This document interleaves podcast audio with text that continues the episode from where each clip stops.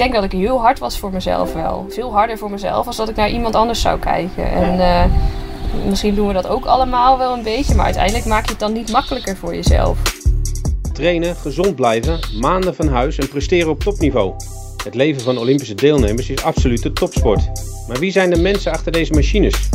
Ik wou het vooral ook altijd graag heel goed doen. Het maakt ook niet uit of ik op de fiets was of op school of bij wat dan ook. Ik wou vooral graag de beste zijn, want dan, dan kon je er in die zin al niks meer van zeggen, zeg maar. Deze podcast spreek ik, Walter van Zoeren, met sporters uit onze regio die naar de Olympische Spelen gaan. Ik spreek ze thuis in plaats van op het sportveld, de wielenbaan of in de atletiekhal. Je luistert naar de Medaillespiegel, een podcast van de Stentor. We gaan onderweg naar uh, Anne Terpstra, mountainbikester. Die uh, opgroeide in Apeldoorn. Een tijdje geleden naar Duitsland uh, is verhuisd. Omdat aan de ene kant haar vriend daar woonde, woont. En aan de andere kant ook omdat daar de trainingsmogelijkheden veel beter zijn. En, het is even een ritje, maar we gaan kijken hoe haar verhaal in elkaar steekt. Aan het Terpstra is natuurlijk 2019 ja, was ze de beste van de wereld. En werd ze de eerste Nederlandse vrouw die een uh, wereldbekerwedstrijd op haar naam wist te schrijven. Dat gebeurde in Andorra. Een geweldig moment. zo bleek later dat haar leven niet alleen als mountainbikester, maar ook als mens heeft veranderd.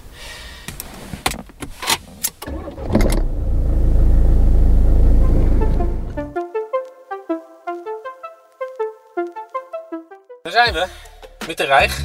Kijk, daar komt Anna al aan. Goedemorgen. Goedemorgen. Wat een leuk huis. Mooi hè? Ja. Lekker, lekker Duits. Lekker Duits, maar allemaal kleuren. Ja. Dat is echt Duits hè? Ik kwam ook al roos tegen net. Oh god, ja, ik geloof het. Ja. Als je me ooit zou vertellen, ik woon in een geel huis, had ik je uitgelachen.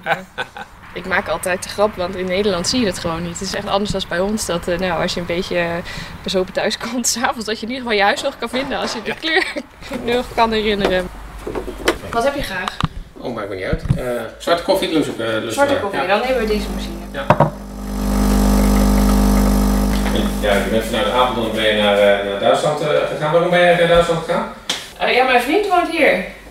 Um, ik, ik rij voor, voor Ghost Factory Racing en Ghost Bikes is onze grote fietsensponsor, zeg maar. En die Ja. zit in Waldsassen, hier vijf minuten vandaan. Um, nou ja, mijn vriend is daar, daar aan het werk, zeg maar. Dus voor hem is het Is een het andere teammanager toch? Ja. Ja. Um, daarom dat hij dus ook aan deze plek gebonden is, zeg Mhm. maar. En ja, ik kan in principe overal fietsen. Dus het Ja. was, uh, toen wij uh, samenkwamen was het heel makkelijk dat ik zei van ja, weet je, dan kom ik wel naar Duitsland. En de omgeving leent zich er uitermate goed voor. Ja, het is echt, het is prachtig. Het is niet dat ik uh, Nederland nooit mis of zo. Maar ik voel me hier wel echt heel thuis. Er zijn zoveel natuur is er gewoon en veel groter dan bij ons. Dus ik kan in het bos gaan fietsen drie uur lang en dan kom ik geen mens tegen. En ik wist het nooit, maar blijkbaar vind ik dat heerlijk en heb ik dat gewoon ook nodig. Dus dat is, uh, dat is het lastigste als ik terug ga naar Nederland, dat er overal mensen zijn. Ja? Ja, dat is me vroeger nooit opgevallen. Maar als je het dus anders kent, dan, uh, dan zie je dat ineens. Ja, en wat vind je daar zo lekker aan dan? Ja, gewoon de rust. De rust. Dat ja. ik zeg maar zelf kan beslissen wanneer ik mensen opzoek.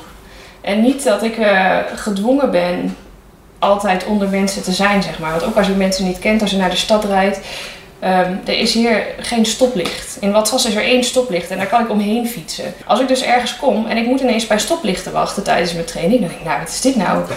En dat klinkt heel gek, maar dat valt echt op. En um, als ik behoefte heb aan, uh, aan de drukte, zeg maar, dan kan ik er naartoe. Maar als ik dan thuis ben en uh, als ik er geen behoefte aan heb, dan, uh, dan is het ook gewoon lekker rustig. En dat doet mij echt heel goed. Als je uren gefietst hebt en je komt hier terug, wat is dan het eerste wat je gaat doen? Waarschijnlijk zit ik dan hier net buiten zo. Dat is echt mijn lievelingsplekje. Uh, ga ik er eerst even zitten, even bijkomen. Ja. En uh, nou ja, misschien dat ik uh, of iets van koffie haal of een herstelshake als het, als het een zware rit was. Maar, Dus een plekje met allemaal kussens waar je echt kunt relaxen. Zeg. ja, ja. ja, ik ben ook echt... zelfs als het te koud is, 's ochtends, het liefst zit ik gewoon 's ochtends even daar. Um, gewoon om wakker te worden en omdat ik het zo'n heerlijk plekje vind. Maar ja, dat gaat ook gewoon niet altijd. Uh, Nee. Twee weken terug was het uh, 15 graden en uh, na een kwartier daar zitten koffie drinken kwam ik bibberend terug en zei mijn vriend, ja het is toch ook veel te koud. Nee. Ja, dat klopt, maar het is zo mooi, ik moet toch even kijken of het gaat Je bent echt een buitenmens, hè? Ja. ja. Ja, heel erg. En je vertelde net, dit, dit huis ademt ook, ook fietsen. Ja, maar dat moet je zien. Als je net eh, de suiker eh, uit... eh, dit is een, eh, een naaf eigenlijk, van Oh een ja. wiel. Als je het zo ziet, hier gaan Het de spaken in. in de, in, in de vorm van een, van een, van een naaf. Nou, daarachterin heb je een, een wijn... Ja? Een wijnrek. Is dat zo in het Nederlands? Ja, een wijnrek inderdaad. Oh, ik zat al te kijken, wat is het inderdaad? Maar Nou ja, dit is, dit is een frame. Een stuk. het is een, een grote Dus hier gaat je rechtop in en hier zit je stuur, normaal gesproken. Dus Ja. dat zijn allemaal... Delen van, van frames waar normaal gesproken het Precies. stuur op zit. En daar kan nou de, de hals van een wijnfles in. Hij staat overigens naast een uh, shoebak. Dat Maar dat weten alleen de? Nederlanders. Want alle andere mensen zeggen, wat hebben jullie toch een bijzonder meubelstuk. Oh, serieus? Ja, dat is heel grappig. En die heb je meegenomen vanuit eh, Nederland. Die heb ik van mijn ouders gekregen. Kijk. Toen ik al iets langer hier was, was het ja, iets, iets Nederlands eh, moet je toch hebben. En het is echt een leuk ding hoor, want we hebben eh, op ons laatste teamcamp, dat was eigenlijk het eerste camp met de, de nieuwe renners ook, dacht ik, weet je wat, ik neem gewoon dat ding mee, kijken wat er gebeurt. Als je dat doet met wedstrijdrenners, dan, eh, oh god, competitie joh, niet normaal. Ik dacht op een gegeven moment, de schijven die vliegen zo door de ruit, want dat is niet... eh, maar we hebben wel veel lol gehad. Ja, is het voor jou ook iets om, om af en toe terug te denken aan, aan thuis, aan Apeldoorn? Of... Nou ja, ik ben vooral gewend dat hij hier staat. Ik vind het leuk om, eh, nou ja, dan ook andere mensen die het niet kennen, want hier kent echt niemand het. Mm. Geen Duitser kent de Soelbak. Uiteindelijk eh, hebben beide landen bepaalde, ja, hoe zeg je dat, tradities of Ja. bepaalde, bepaalde eten of zo. Ja, Of- precies, ja. ja. en eh, ik vind het leuk om uit beide landen, zeg maar, om van, van beide te kunnen genieten.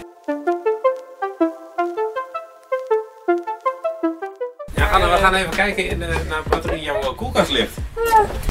En wat is er nou karakteristiek voor een topsporter in deze... Dat zie je waarschijnlijk vandaag niet. Eh, wat is een karakteristiek voor een topsporter? Ik heb geen idee. We hebben heel veel melk over van, van de week met de ploeg. We hadden veel Mhm. te veel gekocht, dus wij hebben melk meegenomen.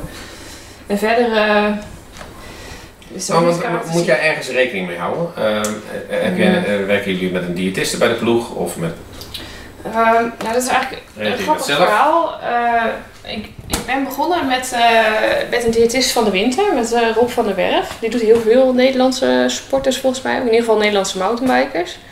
Dat is echt een van de beste keuzes die ik van de winter gemaakt heb. Maar wat is dan het verschil Ehm, met daarvoor, zeg maar? Ja, want ik at altijd blijkbaar veel te weinig. Dat wist ik helemaal niet. Dus ik weeg nou eh, regelmatig mijn eten ook af. Niet per se omdat ik bang ben dat ik, eh, dat ik te veel eet. Mm. Maar omdat ik dan eh, in ieder geval voorkom dat ik te weinig eet. Want als je zoveel traint, moet je uiteindelijk ook gewoon echt veel eten. En ook tijdens het fietsen had ik veel te weinig. Ik dacht altijd, het is onmogelijk als je zoveel moet eten. En dat is het ook inderdaad, als je ermee begint. Maar dat moet je blijkbaar opbouwen. En dan kan je lichaam dat wel. Ja. Dus iemand te hebben die, die gewoon weet hoe het zit en die je daar kan begeleiden, is sowieso super fijn. Dus Ja. nee, ik heb echt. Maar dan ben je eh, al de hele tijd topsporter, zeg maar. ja, Maar ik ben er echt van geschrokken. Ik heb heel lang met iemand anders gewerkt. En eh, nou, misschien dat ik eh, ook een beetje op het verkeerde spoor ben gekomen daardoor. Omdat ik een heel ander plan vroeger had. Mhm. Ehm, en dat was dus ook veel lager ja, ingeschat, zeg maar, als het plan wat ik nu van Rob heb. Dus ik denk niet dat het per se alleen maar mijn, mijn fout of iets is. Maar het is wel goed om, eh, om daar toch wat, eh, ja, wat houvast te hebben. En in ieder geval iemand te hebben die, eh, die je daar advies kan geven. Ik vind het heel fijn. Ja. Ja. Ook omdat je, als je zoveel traint, ik geloof dat je hele gevoel voor, voor eten, dat is er ook gewoon, als je intensief traint bijvoorbeeld, heb je niet per se direct daarna veel honger. Nee. Maar je lichaam heeft echt wel iets nodig. Ehm, dus alleen maar op gevoel gaan, dat, dat werkt ook gewoon niet. En ik deed heel veel op gevoel en daarmee kom je dus blijkbaar ook een heel eind. Want het is niet zo dat ik daardoor niet gepresteerd heb of Ja. zo. Dus als je mij voordien had gevraagd, dan had ik waarschijnlijk gezegd, ja, ik denk dat ik dat wel goed doe.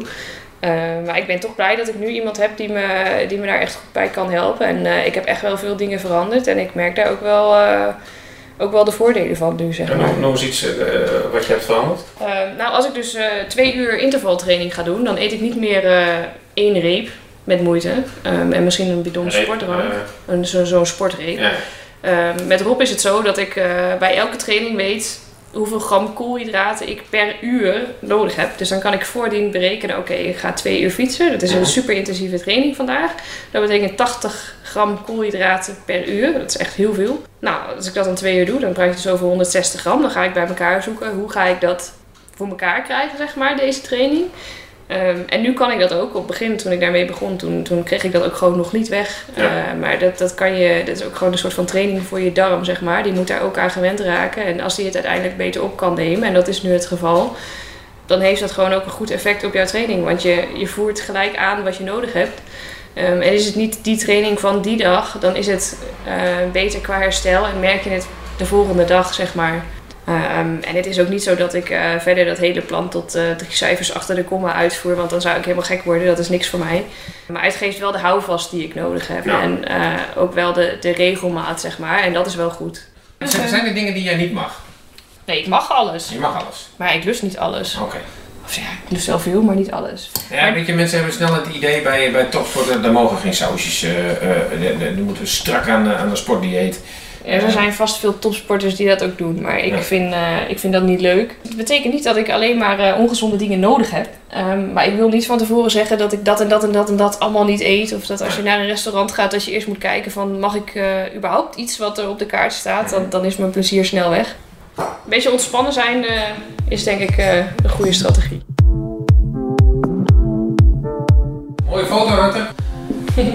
Echt een, een foto van, eh, wat is het, ja, eh, anderhalve meter bij een meter. Dat zal iets meer zijn, denk ik. Ik heb hem van mijn vriend gekregen nadat ik eh, mijn eerste World Cup won daar in Andorra. Dat is het, eh, het finish, eh, de finishfoto van die Ja. wedstrijd. Ik zie jou in de, in, in de Nederlandse trui in ieder geval, eh, de, de kampioenstrui met, de, met de armen en een enorme glimlach. Wat weet je nog wat je dacht op dat moment? je hebt historie geschreven. De eerste Nederlandse vrouw die ooit een wereldbeker won. Nou, daar dacht ik toen niet aan. Ik was toen vooral heel blij dat, eh, dat ik gewoon won. Maar ik weet wel, daarachter zie je een brug. Ja. En je rijdt die brug naar beneden en eigenlijk, je ziet hem niet, maar precies naast mij is die finishboog. En daarboven hangt altijd zo'n zo'n scherm en daar staan dan de tijden op. En normaal gesproken staat er dan één en dan staat er een naam. En dan, dan kan je zien op welke plek jij binnenkomt. Dus stel nou ik word zesde, dan staat er eh, de, de, de vijfde staat daar. En dan loopt dus de tijd eh, met hoeveel achterstand je hebt tot de winnaar. En ik kwam die brug af en toen zag ik voor het eerst in mijn leven dat scherm en dat was helemaal zwart. Dat had ik nog nooit gezien. Want daar stond dus geen enkele naam. En die kwam pas toen ik daar overheen reed. Dus dat, dat heb ik bewust gedacht toen ik die brug afreed. Ik dacht, wow, het scherm Dat is gewoon zwart. nou, je, je weet dat dat je vooraan rijdt, of niet? Ja, ja, maar ik had het, als je nog nooit een World Cup gewonnen hebt, dan heb je nog nooit een zwart scherm gezien Nee. als je over de finish Dus het was altijd een naam boven jou. eh, Ja, en dat heb ik eh, heel bewust waargenomen toen, ja. Heeft dit, dit moment jou veranderd? Ja, heel erg. Het heeft me toen zoveel zelfvertrouwen gegeven en dat, eh, dat heb ik ook nog steeds wel. eh. het heeft me gewoon laten zien dat als alles past, dat ik de beste kan zijn. En eh, dat geloofde ik zelf eigenlijk ergens diep in mij al heel lang. Maar aan de andere kant, als je het natuurlijk niet laat zien, dan, dan is het elke keer een soort van kleine teleurstelling als het, als min of meer weer niet is gelukt. Ehm, en sinds die wedstrijd kijk ik daar heel erg anders tegenaan eigenlijk. Kan ik meer zeggen van, nou weet je, als ik eh, een supergoeie race heb gereden, als ik alles heb gegeven en als ik eh, geen fouten heb gemaakt, dan maakt het niet zo heel veel uit of de renners voor of achter mij zitten. Maar dan is dat gewoon de plek die bij mij hoort op die dag. En nu, sinds dat ik gewonnen heb, kan ik dan ook van plek 7 genieten. En het is heel, heel stom, vind ik, dat je daar dus zo'n zo'n winst voor nodig hebt. Want eigenlijk zou je dat vanzelf al moeten hebben. Maar dat heeft bij mij wel eh, ja, gewoon iets tevredener gemaakt en iets meer eh, plaats gegeven om ook gewoon te genieten van wat ik doe. Dat betekent niet dat ik niet wil winnen hoor. Nee, dat is iets leuks. weg. Nee. Nee, nee, nee, dat is iets heel anders. Ehm, ik bedoel, je ziet dat gevoel, dat is natuurlijk wel heel, heel mooi. En dat, dat wil je ook gewoon altijd hebben. Maar ja, om, om dat te kunnen doen, moet er zoveel kloppen. Dat is gewoon zo moeilijk. En dat is, dat is wat mij de motivatie geeft, ook nog steeds. Eh, als je één keer wint, betekent dat, nou blijkbaar, ik heb het nog niet eh, kunnen herhalen, betekent dat niet dat je zomaar eh, de hele tijd gaat winnen. Eh, dus je moet gewoon blijven werken. Eh, en ja, die motivatie heb je uiteindelijk ook nodig, want anders, anders kom je niet heel ver natuurlijk.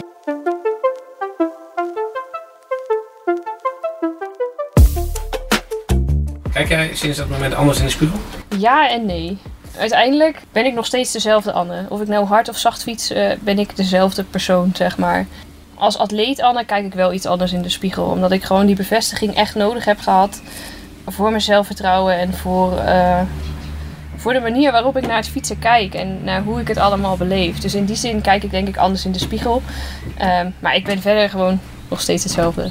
Maar er is, als atleet is er zeker wel wat, eh, wat, wat ver- veranderd. Hè? De, heb je al eens eerder verteld. Zelfvertrouwen. Ja, ik heb gewoon uh, mezelf laten zien. Dat was het belangrijkste eigenlijk. Niet, niet de buitenwereld, maar vooral mezelf laten zien dat dat wat ik eigenlijk wil, dat ik dat inderdaad ook kan. Mm. En dat, daar heb ik gewoon lang tijd ook voor nodig gehad. Mijn weg was ook echt niet per se altijd makkelijk. En ik denk dat het juist daarom voor mij eigenlijk zo belangrijk was. En wat ik vaak ook wel eens zeg, ik heb het gevoel alsof ik daar gewoon een hele rugzak met allemaal ballast heb laten staan, zeg maar. Want daarna... Wat was die ballast dan? Kun je daar eens iets over vertellen? Ja, gewoon de onzekerheid. Of ik inderdaad ooit wel überhaupt een wedstrijd, zo'n grote wedstrijd, uh, zou gaan winnen, zeg maar. En uh, uiteindelijk is de vraag steeds, waarom fiets ik? En dat kon ik uh, altijd, en dat kan ik gelukkig nog steeds beantwoorden met omdat ik het leuk vind. Maar uiteindelijk fiets je ook omdat je, omdat je bepaalde resultaten wil behalen. En dat is niet, ehm, niet het, eerste punt, maar waarschijnlijk wel gelijk het tweede. En alleen maar fietsen leuk vinden en niet de resultaten behalen die je wil, dat is natuurlijk uh, dat is lastig. Dus, um, en ik, het is niet zo dat ik niet goed was. Maar er was altijd iets in mij wat zei, nou misschien is het niet goed genoeg voor mezelf. En op maar die dag. zelf die dat dacht? Of ja. had je het gevoel dat Nee, alleen maar ik. Want iedereen om mij heen, en dat is ook juist wat ik nodig heb gehad, uh, vooral ook het team, die hadden wel dat vertrouwen in mij. En zeker als jij op dat moment het vertrouwen in jezelf misschien niet hebt, is het heel belangrijk dat de mensen om jou heen dat wel hebben. Anders werkt het natuurlijk helemaal niet. Dus dat was voor mij echt wel een key. En dat is ook wat mij gewoon geholpen heeft om gewoon maar door te gaan. Maar dat is het enige wat ik moest doen. Ik heb geen dingen veranderd. Ik ben niet anders gaan trainen. Ik ben niet um, anders met wedstrijden omgegaan of zo. Eigenlijk heb ik niks veranderd. Heb ik alleen maar verder moeten werken. Is dat echt iets als, als, als sporter, eh, die onzekerheid die je had, zeg maar? Of was je zoals mensen ook? Uh, allebei wel een beetje. En ik wou het vooral ook altijd graag heel goed doen. Het maakt ook niet uit of dat op de fiets was of op school of bij wat dan ook. Ik wou vooral graag de beste zijn, want dan, dan kon je er in die zin al niks meer van zeggen, zeg maar. Um, Perfectionistisch eigenlijk. Ja, nu minder omdat ik dus geleerd heb dat het uh, niet, uh, niet de goede manier is om je goed over jezelf te voelen. Dat kan je beter in jezelf zoeken, zeg maar, uh, zonder dat er voorwaarden aan hangen. Dat heb je moeten leren, zeg maar. Ja, dat heb ik moeten leren inderdaad. En ook dat als mijn tas niet mooi opgeruimd was, om te accepteren dat hij gewoon drie dagen niet mooi opgeruimd was. Vroeger vond ik dat helemaal niks. Ging dat?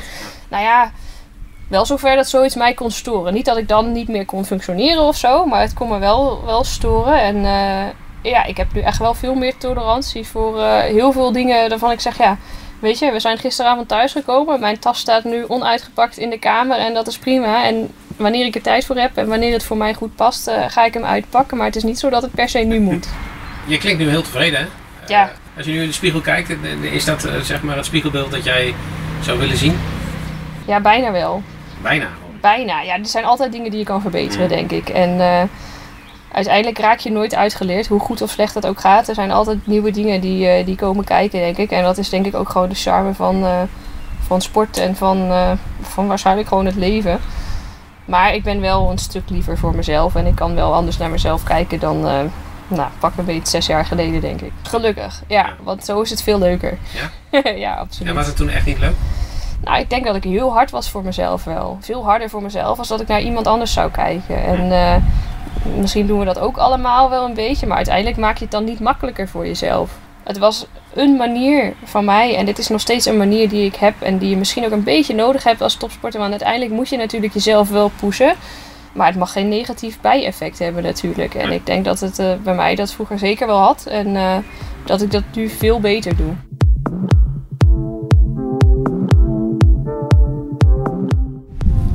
weet ik dat jij ooit met geneeskunde bent, uh, bent begonnen. Dat zal niet voor niks zijn geweest. Zou dat de kant zijn geweest waar jij op zou zijn gegaan als je geen topsporter zou zijn? Ja, waarschijnlijk wel. Ik heb toen bewust de keuze gemaakt van ik, ik ga beginnen aan geneeskunde. Ik wist dat die studie lastig zou zijn te combineren met de sport die ik toen dus ook al deed. en ook de, qua, qua tijd wist ik dat dat het geen makkelijke combinatie ging worden. Uh, maar ik wou toen geen B-keuze maken zeg maar, voor de rest van mijn leven. Zo voelde het. Uh, dus ik wou op twee uh, beste opties inzetten. Dat was niet de makkelijkste weg. Dat was echt wel, echt wel lastig. Zeker als ik nu terugkijk, dan vraag ik me wel eens af hoe ik het überhaupt voor elkaar heb gekregen toen. Maar goed, ik heb inderdaad mijn bachelordiploma gehaald. En ja, waarschijnlijk als ik niet ja, geen mountainbiker zou zijn nu, denk ik dat ik arts was geweest. Ja, aan de andere kant was mijn plan ook altijd om vrij snel die studie weer op te pakken. Nou, dit is nu al uh, acht jaar niet gebeurd. Dus ja, hoe langer het duurt, hoe onzekerder dat plan ook wordt, Le zeg maar. dat plan nog wel? Nou, afgeschreven heb ik het sowieso nog niet. Nee, nee dat niet. Ik had gewoon nooit in mijn hoofd dat ik nu nog zou fietsen. Dat, ik ben niet begonnen met fietsen met dat idee. Er zijn van die, van die sporters die echt het, het doel hebben om prof te worden. En dat, ja, dat is dan dat wat ze willen doen, zeg maar. Dat was helemaal mijn doel niet. Ik wou alleen maar kijken hoe goed ik kon zijn. En ik dacht, nou, als ik dat uh, zo'n jaar of drie, vier doe, dan, dan weet ik dat wel. Maar ja, het probleem is dat ik dat fietsen zo leuk vind en dat het gewoon zo goed gaat, dat het eigenlijk, uh, ja, het zou zonde zijn om er nu mee op te houden, zeg maar. Daar ben ik ook nog helemaal niet klaar voor. Dus ik wil er vooral eerst nog van genieten en uh, ja, misschien dat het dan teruggaat naar geneeskunde, maar het gaat er vooral om wat ik wil. Ja. Ik hoef niet mijn hele leven mountainbikester te zijn. In ieder geval, ik hoef het ook niet nog per se tien jaar te doen. Dat is niet, uh, niet waar ik vanuit ga, zeg maar. Maar het is ook niet zo dat ik nu al weet wanneer ik er precies mee ophoud en wat dan mijn plan is. Um, ik denk er vaak over na, maar ik probeer het ook niet, uh, niet te groot te maken. Want ik geloof altijd heel sterk erin dat dingen zijn zoals ze moeten zijn. En dat, dat wat komt uh, vanzelf ook wel komt. Dus ja, als ik er te veel over na ga denken en als ik me zorgen ga maken, dan geloof ik niet dat het helpt. Nou Anne, dank uh, voor het gesprek. Ja, graag gedaan. Ja, voor ook de bedankt. ontvangst hier in, in Duitsland. Het was eventjes rijden, maar uh, zeker de moeite waard. Mooi verhaal, dankjewel. Wij gaan weer, uh, weer terug. Heel veel succes zometeen in, in Tokio. En dan willen we inderdaad dezelfde foto's zien als die in jouw woonkamer hangt. Ik ook. Met de armen omhoog en een grote glimlach op je gezicht. Ja, dat zou mooi zijn. Hey, ziens. Hoi hoi. Nou, dat was hem. Anne Terpstra hier in Duitsland. Het is erg warm. We hopen dat de airco het zo doet. En uh, we hopen dat uh, zometeen in Tokio uh, goed gaat, gaat komen met, met Anne. En wij gaan terug.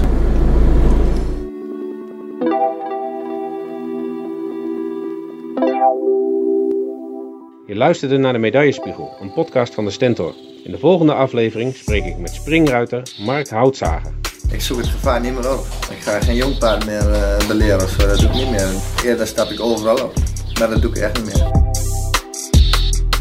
De medaillespiegel is gemaakt door Emma Somsen en Walter van Zoeren.